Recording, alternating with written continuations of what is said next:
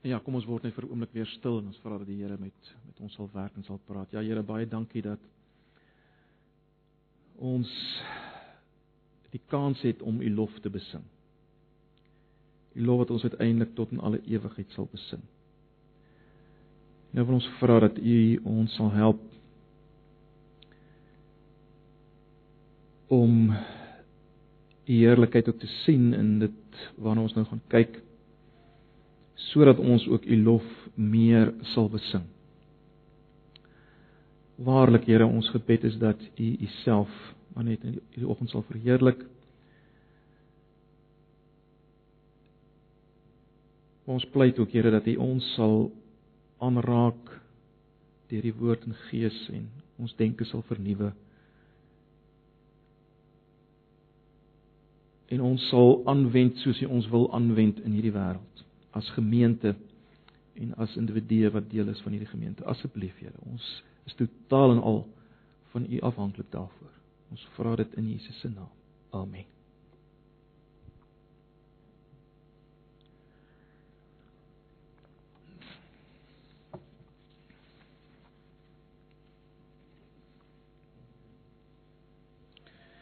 Nou ja, ons gaan voort met uh met Lukas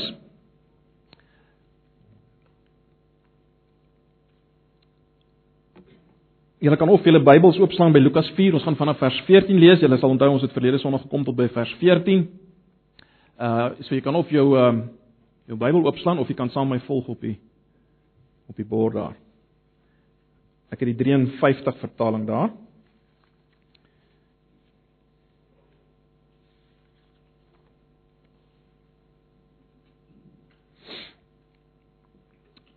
Lukas 4 vanaf vers 14 is is uh, ons gaan 'n redelike gedeelte lees. Ons gaan uh, tot by vers 44 lees. So kom ons lees dit saam. En Jesus het in die krag van die Gees na Galilea teruggekeer en daar het 'n gerug aangaan om deur die hele omtrek uitgegaan. En hy het in hulle sinagoges geleer en is deur almal geprys. Toe kom hy in Nasaret waar hy opgevoed was, groot geword. En soos hy gewoond was, gaan hy op die Sabbatdag in die sinagoge en staan op om te lees. En die boek van die profeet Jesaja is aan hom oorhandig. En toe hy die boek oopmaak, kry hy die plek waar geskrywe is: "Die Gees van die Here is op my, omdat hy my gesalf het om die evangelie aan die armes te bring. Hy het my gestuur om die wat verbryseld van harte te genees, om aan gevangenes vrylating te verkondig en aan blindes herstel van gesig, om die wat gebroke is in vryheid weg te stuur, om die aangename aangename jaar uh sommige vertalings sê die genadejaar van die Here aan te kondig. En nadat hy die boek toegemaak en aan die dienaar teruggegee het, gaan hy sit en die oë van almal in die sinagoge was op hom gefestig. Toe begin hy vir hulle te sê: "Vandag is hierdie skrif in julle ore vervul." En almal het vir hom getuienis gegee en was verwonderd oor die aangename woorde wat uit sy mond kom. En hulle sê: "Is hy nie die seun van Josef nie?" En hy antwoord hulle: "Julle sal my ongetwyfeld hierdie spreekwoord toevoeg: Geneesheer, genees jouself. Alles wat ons hoor wat in Kapernaum gebeur het, doen dit hier in die Vaderstad ook." En hy sê: Voorwaar, ek sê vir julle, geen profeet is aangenaam in sy vaderland nie. Maar ek sê vir julle met waarheid, daar was baie weduwees in Israel in die dae van Elia toe die hemel toegesluit was, 3 jaar en 6 maande lank toe daar 'n groot hongersnood gekom het in die land. En na nie een van hulle is Elia gestuur nie behalwe na Sarfat in Sidon na weduwee. En daar was baie malaatses in Israel in die tyd van Elisa die profeet en nie een van hulle is gereinig nie behalwe na Aman die Siriër. En almal in die sinagoge is met woede vervul toe hulle dit hoor. En hulle het opgestaan en hom uit die stad uitgedryf en hom gebring tot op die rand van die berg waarop hulle stad gebou was om hom van die kraans af te gooi. Maar hy het tussen hulle deurgeloop en weggegaan. En hy het afgekom na Kapernaum, 'n stad van Galilea, en hulle op die Sabbat geleer. En hulle was verslae oor sy leer want sy woord was met gesag. En in die sinagoge was daar 'n man met die gees van 'n onreine duiwel en hy het met 'n groot stem uitgeskreeu en gesê: "Ha, wat het ons met u te doen, Jesus Nasareëner? Het u gekom om ons te verdelg? Ek ken u wie u is, die heilige van God." En Jesus het hom bestraf en gesê bly stil en gaan uit hom uit. En die duiwel het hom tussen hulle neergegooi en uit hom uitgegaan sonder om hom seer te maak. Toe kom daar verbaasdheid oor almal en hulle praat met mekaar en sê wat vir 'n woord is dit dat hy met gesag en mag die onrein geeste gebied en hulle gaan uit. En daar het 'n gerug gaan gaan om uitgegaan na elke plek van die omgewing. En hy het opgestaan in die sinagoge en in die huis van Simon gekom en Simon se skoonmoeder was aangetast deur 'n ewige koors. En hulle het hom geraadpleeg eh, geraadpleeg oor haar. Toe gaan hy oor haar staan en bestraf die koors. En dit het haar verlaat en sy het onmiddellik opgestaan en hulle bedien. En toe die son ondergaan het hulle almal hulle siekes met uh hulle siekes mense met allerlei kwale aan hom gebring en hy het een vir een van hulle die hande opgelê en hulle gesond gemaak. En duiwels het ook uit baie uitgegaan en geskreeu en gesê u is die Christus, die seun van God en hy het hulle bestraf en nie toegelaat om te praat nie omdat hulle geweet het dat hy die Christus was. En toe dit dag geword het, het hy uitgegaan en na 'n verlate plek vertrek en die skare het hom gesoek en by hom gekom en hom teëgehou dat hy nie van hulle sou weggaan nie. Maar hy het vir hulle gesê ek moet aan die ander stede ook die evangelie van die koninkryk van God bring want daarvoor is ek gestuur. En hy het verder in die sinagoge, die sinagoges van Galilea gepreek lees net tot sover.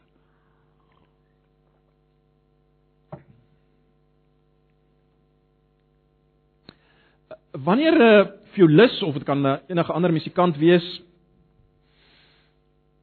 'n vertoning lewer van 'n verstommende vertoning, 'n bo-gemiddelde vertoning lewer, uh, dan is mense geneig om te sê, "Jo, hierdie ou het geïnspireerde spel gelewer, nie waar nie?" Wat mens gewoonlik vergeet as jy na so 'n persoon luister violis of 'n uh, iemand wat ander instrument bespeel wat mens gewoonlik vergeet is die ure en ure van oefening wat vooraf ingegaan het nê nee.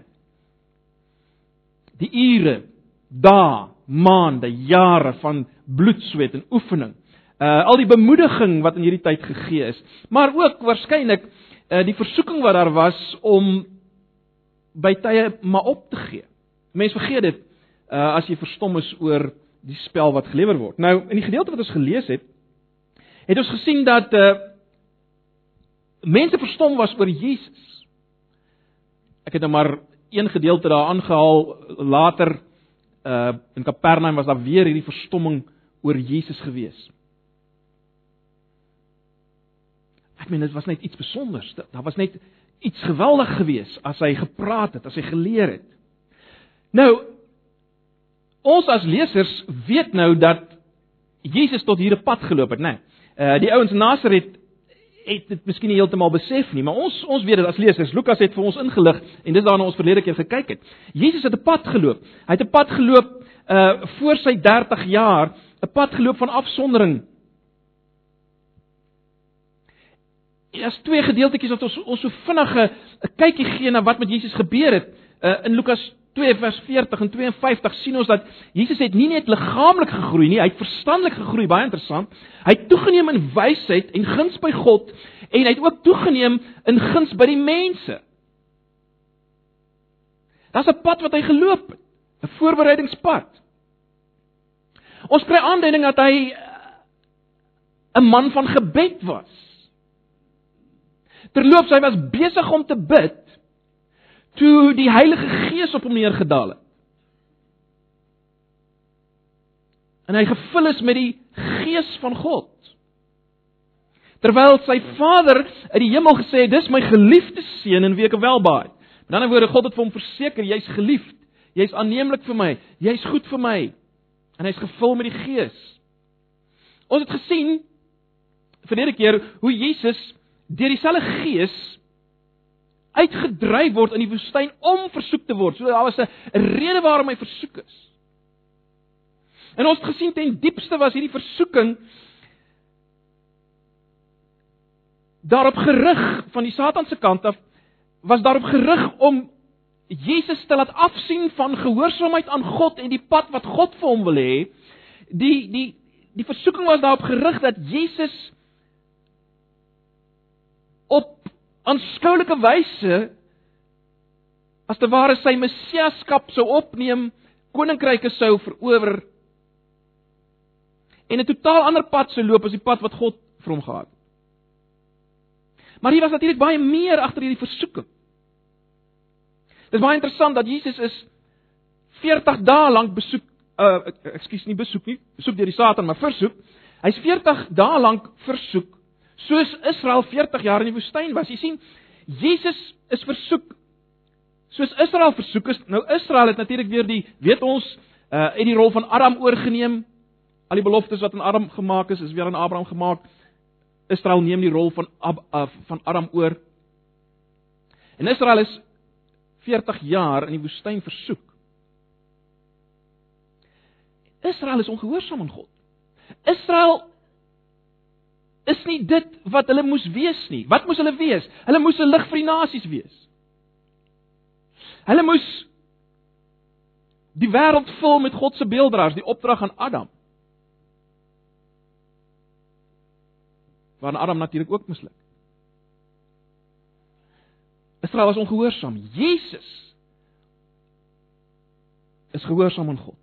Terloops, interessant, hy hy haal aan uit Deuteronomium, uit elke keer as hy die duiwel antwoord, haal hy aan uit Deuteronomium uit die verbondsboek. Hy wys hy is nou die ware gehoorsame Israel.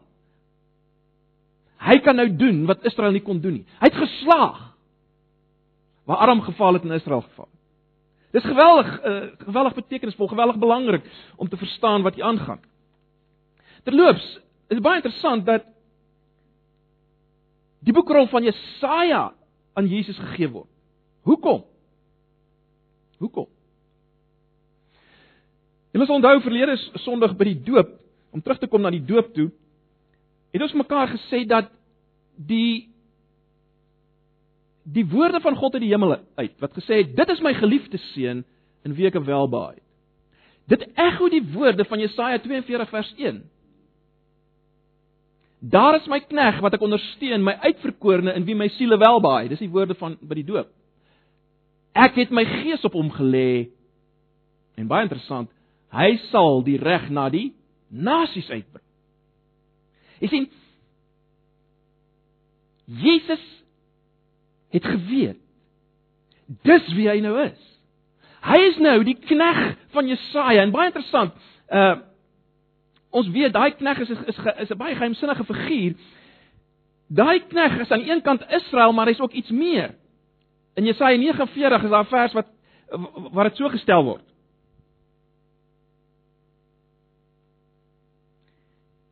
Jy is my knegg, komma Israel, komma in ek welbehaag. Word gesê vir hierdie individu hierdie snaakse geheimsinnige individu in Jesaja se laaste hoofstukke. So individu sou die rol oorneem van Israel, God se knegg, God se knegg, se diensknegg wat nie geslaag het om te doen wat God wou gehad het hy moet doen nie, naamlik om 'n lig vir die nasies te wees nie. En nou kom Jesus en hy neem die rol oor. Hy is nou die knegg wat die lig vir die nasies gaan bring. So Jesus is baie bewus daarvan. Ons moet raak sien. Hy's baie bewus van sy roeping. Hy's voorberei. Hy's nou die knegg van Jesaja 53.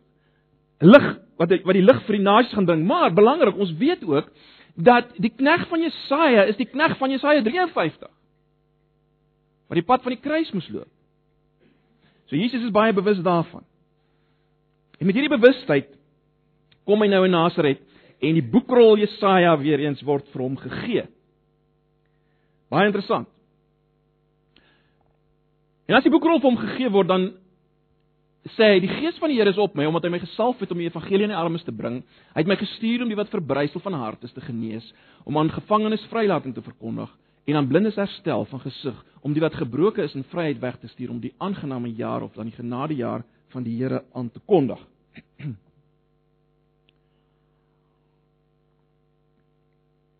So die punt is as Jesus hierdie boekrol van Jesaja neem en hy hy lees hierdie gedeelte dan sê hy nou in die openbaar, kyk, ek is die dienskneg van Jesaja. Ek is die een van wie hier gepraat word. Die Gees is op my. Die Gees is op my. Nou, ek het langs aan in Jesaja die gedeelte van Jesaja gesit waar Jesus aanhaal. Maar jy sal sien is baie interessant. In Jesaja 61 vers 2 is daar 'n frase en 'n dag van die wraak van ons God. En Jesus al dit nie aan nie. Jesus al dit nie aan nie. Nou onmiddellik is die vraag Daar's 'n verskil tussen tussen wat Jesus sê in die aanhaling uit Jesaja 61. Daar's 'n bietjie van 'n verskil nou. Uh Daar's twee redes vir die verskil. Een minder belangrik en een baie belangrik. Die minder belangrike een is dat Ehm uh, Die woorde van Jesus is natuurlik kom natuurlik uit die uit die sogenaamde Griekse vertaling van die Ou Testament, die Septuagint, terwyl die ander wat ons gekyk het is die is die Hebreëse teks se se se vertaling. So daar's al klaar klein verskilletjies.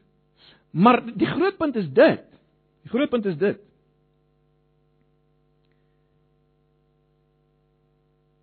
Daar's 'n doelbewuste verskil. Jesus verander dit doelbewus. Jy sien die die profesie in Jesaja het vooruitgekyk na die sogenaamde tyd van die Messias, die messiaanse tydperk of die eindtydperk. En in hierdie profesie waarna na, na vore gekyk is, is beide God se genade en God se oordeel gesien. Dit was deel van dieselfde tyd, genade en oordeel was saam. Maar Jesus kom en hy verander doelbewus die aanhaling om te wys wat wat wag.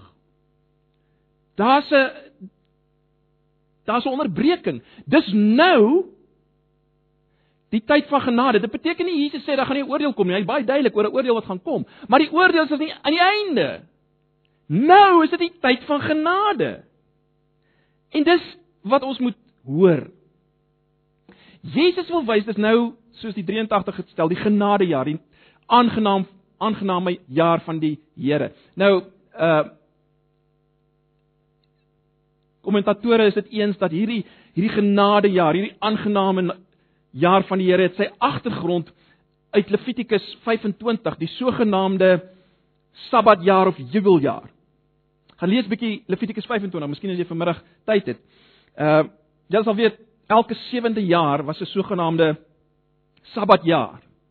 Dan moes daar 'n rus wees van die land ensovoorts.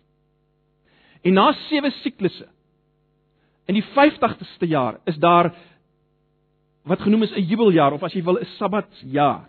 En en en die kenmerk van hierdie jaar was ook herstel geweest, maar die terugkeer van slawe, die die terugkeer van grond, algemene herstel. Algemene herstel, genesing as jy wil. En wat Jesus nou kom sê deur hierdie aanhaling wat hy op homself toepas is dit: Ek het nou gekom om die finale messiaanse as jy wil, genadejaar te bring. Jubeljaar te bring. Dis waarvoor ek hier is. Dis waaroor my bediening gaan. Is dit wat wat wat ek nou gesê het, my aanhaling uit Jesaja, dis waarvoor dis waaroor my bediening gaan. Om om verbryseldes van harte genees en herstel te bring en en dit aan te kondig. Dit is waaroor my bediening gaan, is hierdie herstel, hierdie genesing, hierdie vrymaking. Dis waarom my bediening gaan. Dit dis wie ek is, dis wat ek kom doen het. Maar dis nie die boodskap wat hulle wou hoor nie, né? Dis nie die boodskap wat wat die Jode wou hoor nie en die mense daar naastor het. Onthou net bietjie weer, hulle het gewag vir iemand wat iets gaan doen aan hulle situasie, hulle situasie wat hulle nou beleef het onder die Romeinse ryk. 'n situasie van van verdrukking.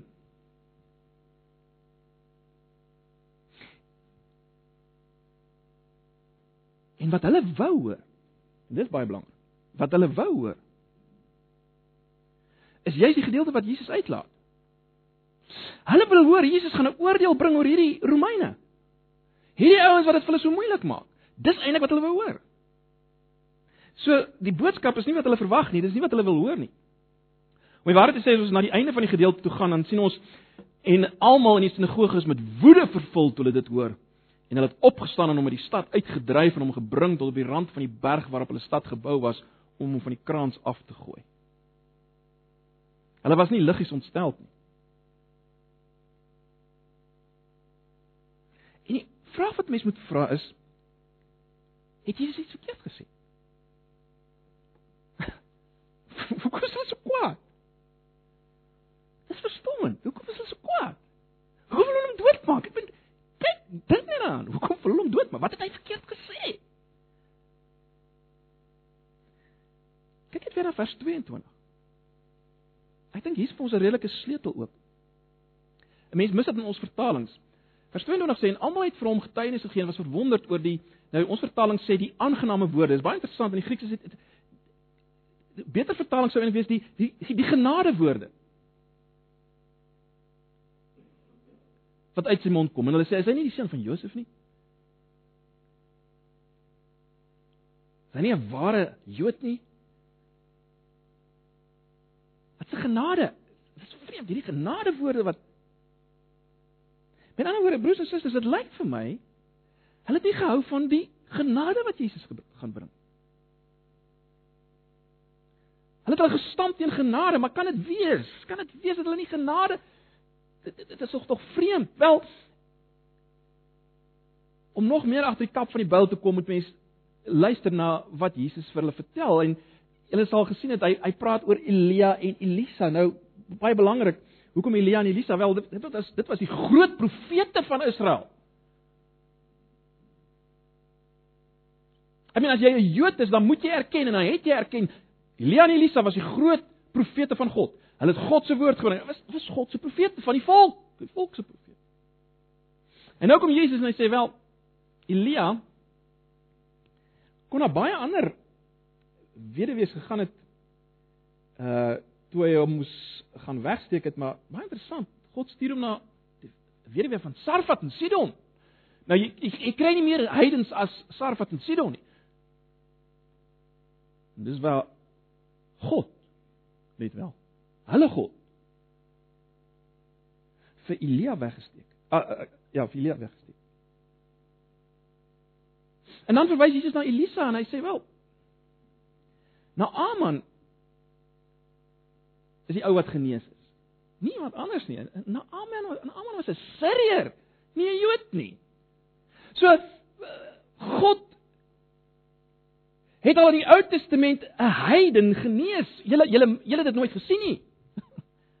Julle het dit nooit gesien nie. Jy sien hulle was te verblind geweest deur deur al die jare van onderdrukking onder die Romeine en hulle hulle het begin om die om die Bybel baie selektief of laat ek so sê die Ou Testamentiese profesieë en gedeeltes baie selektief te lees.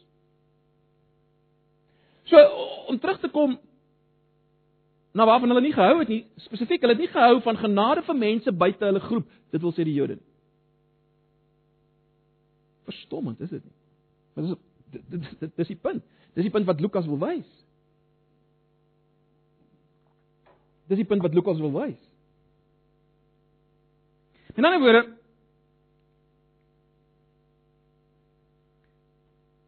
Hulle God hou van die verkeerde mense. En hierdie hierdie Jesus, hierdie bekende Jesus wat daar voor hulle groot geword het. Hy pas nie lekker vir hulle. Hy pas nie in by hulle teologie nie. Maar waar dit sê hy's 'n absolute gevaar vir hulle. En daarom die absolute woede teenoor Jesus.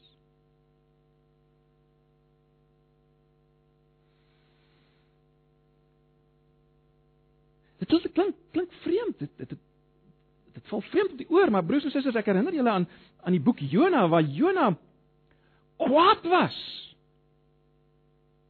Toe God genade bewys aan Ninive. Ek bedoel, hy was heeltemal bereid om te gaan preek, maar hy wou gehad het hulle moet besef God gaan Ninive vernietig. En toe dit nou nie gebeur nie en hulle bekeer en en dit dreig 'n bietjie in teen wat hy verwag het en hoe hy God verstaan het, toe sy kwaad. En dis dieselfde hier. Dis dieselfde hier. Hulle is kwaad. Dan probeer hulle hom, soos ons nou net gesien het, uit woede uit afgooi van die van die kraans, maar dit slaag nie. Hier is nog 'n stuk ironie. Julle sal onthou die duiwel het Jesus versoek om af te spring van die tempeldak en hy het gesê wel die God sal ons sy engele stuur om jou te beskerm. Maar Jesus weier, hy staan die versoeking te. Hier beskerm God hom van dieselfde tipe ding. Hoekom doen God dit hier? Wel, dis dis heeltemal iets anders hier, né? Daar sou dit 'n versoeking wees van God. Hier is Jesus besig om die pad te stap wat God vir hom gekies het en en in hierdie pad beskerm God hom. Ja. So dis net uh, ietsie om raak te sien.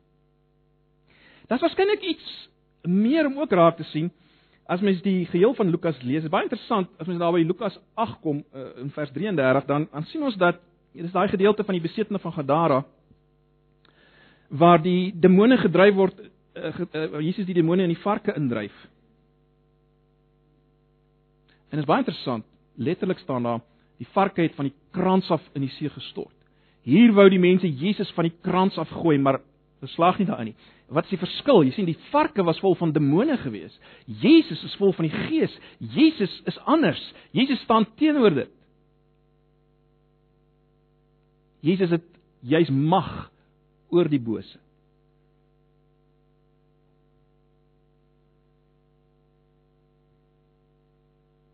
So Jesus onaangeraak gaan hy verder want hy het nog werk om te doen. Hy het nog 'n bediening om te, om om uh, om deur te voer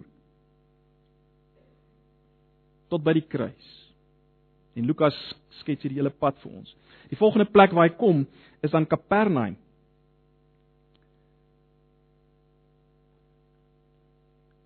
Ek het 'n opskrif waar gee Jesus Kapernaum en die evangelie van die koninkryk van God in aksie. Wel, kyk na vers 43, ek dink dit is belangrik. In vers 43 sê Jesus: Ek moet ook aan ander stede die evangelie van die koninkryk van God bring. Dis nou nadat hy in Kapernaum opgetree het. Met ander woorde, dit sê vir ons dat Jesus het in Kapernaum die evangelie, die goeie nuus van die koninkryk van God gebring. Want hy sê hy moet dit nou op ander plekke ook bring. So hy dis wat hy gebring het in Kapernaum, die die evangelie. Die goeie nuus van die koninkryk van God. Maar wat is die goeie nuus van die evangelie? Wel, dis niks anders as dit wat hy in Jesaja gelees het. Die herstel van die genadejaar. Dis die goeie nuus van die evangelie. Of dis die dis die goeie eh, dis dis die evangelie van die koninkryk van God, die goeie nuus van die koninkryk van God is niks anders as die die boodskap van die herstel van die genadejaar nie. Uh en is nie toevallig dat Jesus op die Sabbat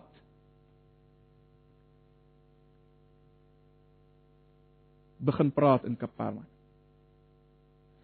So Jesus se boodskap wat hy in Kapernaum gebring het of dat ek so sê die goeie nuus wat hy gebring het, het alles te maak met die koninkryk van God. Wat is die koninkryk van God? Die koninkryk van God is die finale as jy wil eskatologiese eind of as jy wil messiaanse as jy wil genadejaar. Dis die koninkryk van God. Waar daar herstel is van verhoudinge op alle vlakke. En broers en susters, dit is baie interessant. Dis waarmee Jesus besig is in sy hele bediening. En in al die evangelies sien ons dit. Hoe bring hy om die woord bring te gebruik? Hoe bring hy hierdie genadejaar, hierdie herstel? Hoe bring hy hierdie evangelie, hierdie goeie nuus van die koninkryk van God? Hoe bring hy dit? Wel, as drie dinge wat hy doen. Hy gee lering. Ons sien dit op 'n paar plekke hier. Daar's prediking, ons sien dit spesifiek in vers 44, maar dan baie duidelik bring hy genesing. Want sien, die die genadejaar het ten diepste gegaan oor genesing wat gebring word. Genesing in die omvattende sin van die woord. En dis waarmee Jesus besig is. Terloops, die uitdrywing uitdrywing van duiwels het alles te maak met genesing gaan lees maar dwars deur Lukas uh, en ook die ander evangelies. Uh die demoniese werking was gekoppel aan siekte. Dis ook interessant dat Jesus as hy by die skoonmoeder van Petrus kom uh in in in vers 39 dan het julle gesien wat doen hy met die koors? Hy bestraf die koors. Die koors is moet bestraf word soos die demone bestraf word. Jy sien siekte. Die demoniese werking. En terloops ons sien ook die verband in vers 40 en 41 tussen Die siekes en die wat gevul is met demone, gaan lees 40 en 41 saam en dan sien jy daar's 'n verband. Dit dis dis dis die wat in gevangenskap is. Wat nie heel is nie. En Jesus kom om die genesing te bring vir hierdie mense. Omvattende genesing. Dis waarmee hy besig is. Prediking, lering en genesing. Ons moet dit raak sien. Wat baie duidelik is en waaroor die mense verstom is, is dat Jesus het gesag. Hy het gesag oor die demone, hy het gesag oor die siekte. Julle sal weet, uh uiteindelik uh as Jesus die storm stil maak, dan dan sien jy dat Jesus het gesag oor die wind en die water. Hy bestraf dit. Dis alles dinge wat dit self opstel teenoor die koninkryk van God en die die heelheid en die herstel van die koninkryk en Jesus het die gesag, het die mag oor dit. Dit is wat ons sien hier in Kapernaum. Ons sien hoe Jesus die hersteljaar bring, die koninkryk van God bring. Baie interessant is ook om die kontras te sien tussen tussen die mense in Nasaret en die duiwels. Die duiwels hier erken dat Jesus die seun van God is. Mense in Nasaret uh nie seun van Josef nie. Dis die verse wat hulle kom. Baie interessante kontras. Maar goed, broers en susters, dis wat Lukas hier opteken, maar hy teken dit en ek sê dit weer want dit is so belangrik. Hy teken nie hierdie goed op as bloot interessante historiese materiaal nie. As ons so Lukas lees en ons almal val in daai slaggat, dan lees ons hom verkeerd. Lukas is besig met prediking. Lukas is besig om die gelowiges te onderrig, die gelowiges wat die Gees ontvang het op Pinksterdag. En hy wil vir hulle wys dat daar 'n parallel is tussen wat hulle beleef en wat hulle doen en wat hulle moet doen en dit wat Jesus beleef het en gedoen het. En ons moet dit so hoor. So daarom is die vraag, wat moet ons hier hoor? Waarmee word ons uitgedaag? En ek het maar net 'n paar dinge neergesit. Ek dink in die eerste plek moet ons in die lig van hierdie gedeelte weer af vir ons afvra, wie is God? Wie is God vir ons? Wie is God? Ons almal sit met beelde van God. Ek dink wat hierdie gedeelte vir ons wil wys is dat God is ten diepste die God wat genade en herstel wil bring. Ja, hy gaan 'n oordeel bring. Maar dit aan die einde oor die wat sy lankmoedigheid verwerp het, sy genade verwerp het. Sy groot doel is genade. Ek meen dis hoekom hy mens word in Jesus. Hoekom anders? Glo ons dit? Is oortuig daarvan. Hy wil herstel bring. Hy wil heelheid bring. Hy wil genade bring. En daarmee hand aan hand vir wie wil hy dit bring? Vra jouself af. En jy moet baie eerlik wees met jouself. Vir wie is jou God? Vir al die mense wat min of meer soos jy lyk en jou taal praat en gereformeerd is in gereformeerde kerke is? Want as jy so dink, maak jy fout. Jy maak dieselfde fout as wat die ouens in Nasaret gemaak het. Die oorbekende Jesus is vir ons. Of Jesus is net in die evangelie boodskap is net vir die vir die arme bankes in Suid-Afrika. Wat so swaar kry. Maak reuse fout. God is vir die nasies. God is vir die wêreld. En ons as blanke Afrikaans sprekendes is maar 'n bitter bitter bitter bitter klein hoeveelheid van daai mense. So so vra jouself of in die lig van hierdie gedeelte, waarmee is ek besig? Vir wie bid ek? Aan wie spandeer ek my tyd? Het ek 'n bietjie van 'n breër visie? Het ek het ek die visie wat Lukas as te ware wil uitbring alreeds? Dis die vraag wat jy jouself moet afvra. En dan, wat is die pad na 'n bediening soos die van Jesus? As individue, maar baie belangrik ook as gemeente, want eh, dit, dit gaan Lukas skryf vir die gemeentes. En ek dink wat ons raak gesien het en in verlede Sondag al raak gesien het, daar's 'n pad wat gestap moet word. Ons het nou weer daarna verwys, nê. Nee. Uh, 'n Mens kom nie met 'n vinger klap by die punt waar jy 'n bediening het soos Jesus van prediking, lering en genesing, die bring van die koninkryk. Daar's 'n pad wat gestap moet word, 'n pad van voorbereiding. 'n Pad onder die krag van die Heilige Gees, 'n pad wat hand aan hand gaan met gebed en die bestudering van die woord, soos ons verlede keer ook gesien het. Maar baie belangrik, dis ook 'n pad waar daar versoeking sal wees. Die versoeking om besig te wees met iets anders as hierdie pad wat lyding en swaarkry insluit. Die versoeking om jou identiteit te vind in wat jy doen en in wat jy het. Die versoeking om te dink God wil vir my die beste. Hy wil vir my hy wil my net gelukkig hou. In plaas daarvan om te sê nee, God wil my gebruik om genesing en heelheid te bring. En die pad is dikwels 'n pad van lyding en swaar kry, soos die pad van Jesus was. Ons het gesien. Mense het nie gehou van sy boodskap nie. Mense sal ook nie hou van ons boodskap, my en jou boodskap. As dit nie draai om hulle en hulle eie gemaak nie. As dit is 'n boodskap van genesing en heelheid vir die wat daar buite is. So dis die pad. Dis 'n pad van lyding, swaarkry, maar 'n pad waarop ons deurgedra word met die bewustheid van wie is ons en wat is ons roeping. Ek moet oortuig wees dat ek is 'n geliefde van God.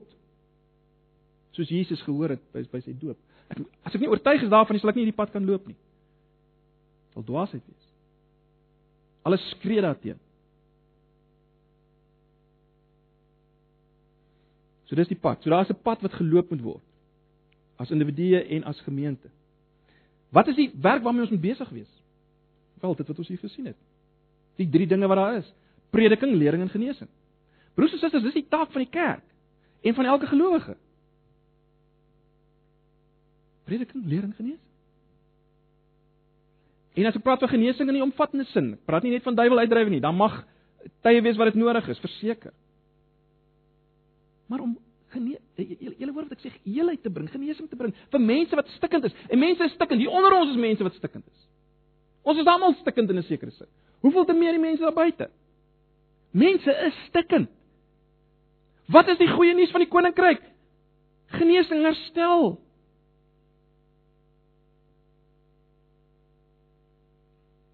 En ons moet dit bring. Sien dis deel van die boodskap wat ons bring. Dit is baie belangrik dat ons dit hier sal sien. Verseker is ons boodskap na die kruis ten diepste dit wat Jesus in ons plek gedoen het op Golgotha, verseker. Maar broers en susters, ek is bevrees dat ons vergeet die res van die boodskap van die koninkryk. Onthou Jesus was hier nog nie gekruisig nie. Jesus het nie gepraat met die mense oor sy kruisiging nie. En tog sê hy hy het die evangelie van die koninkryk gebring. Wat het hy gedoen? Hy het hulle geleer aan gaan na die koninkryk. Hy het gepreek dat hierdie koninkryk aangebreek het. Dis prediking, openbare bekendmaking daarvan en hy het mense heel gemaak. Hy het mense heel gemaak. So wat ek probeer sê is dit, as dit waarmee ons besig is nie dit insluit nie, dan mis ons 'n groot deel. Ons is nie net geroep om vir mense te vertel, luister. Jesus het vir jou sonde gesterf. Glo in hom en jy sal nie eendag hel toe gaan nie, maar hemel toe gaan. Dis 'n absolute afgewaterde onbybelse boodskap. Jy kry dit nêrens in die Nuwe Testament dat die boodskap so verkondig word. Nêrens nie.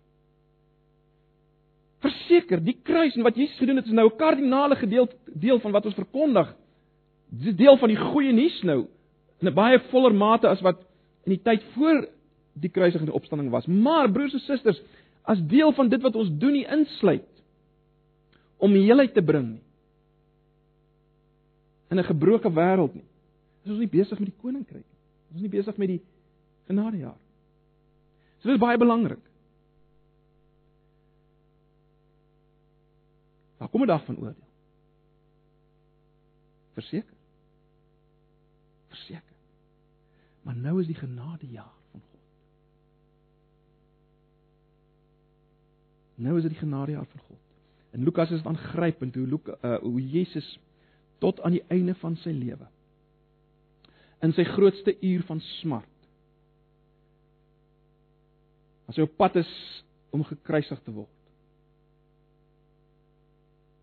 En die soldate neem hom gevange.